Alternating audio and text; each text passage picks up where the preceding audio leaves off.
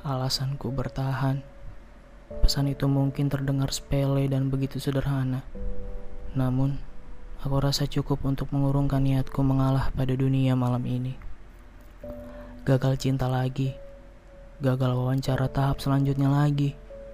Gagal bikin orang tua di rumah bangga lagi. Gagal jadi teman yang baik lagi. Belakangan, ada banyak kegagalan yang menghantui tidur nyenyaku. Seperti tak pantas hidup. Aku merasa bodoh akan diriku sendiri. Perasaan ini bukan hanya milikku seorang, bukan?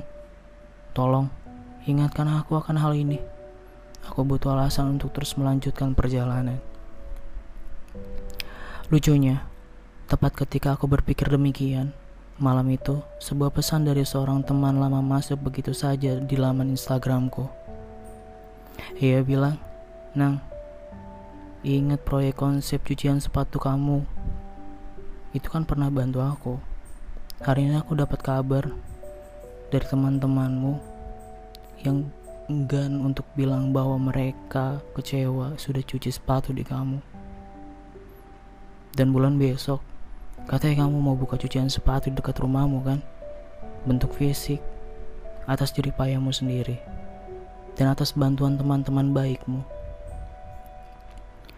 Pesan itu mungkin terdengar sepele dan begitu sederhana, namun aku rasa cukup untuk mengurungkan niatku mengalah pada dunia malam ini. Aku mungkin tahu-tahu akan ada kejutan apa lagi yang sedang dipersiapkan semesta untuk kita. Entah kejutan baik atau buruk, yang akan kita dapatkan nantinya.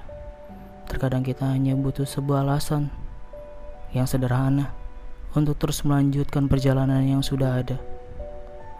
Sebagai manusia, Aku mengerti bahwa wajar rasanya untuk berkecil hati, tapi ternyata kegagalan tidak serta-merta mendefinisikan makna kita.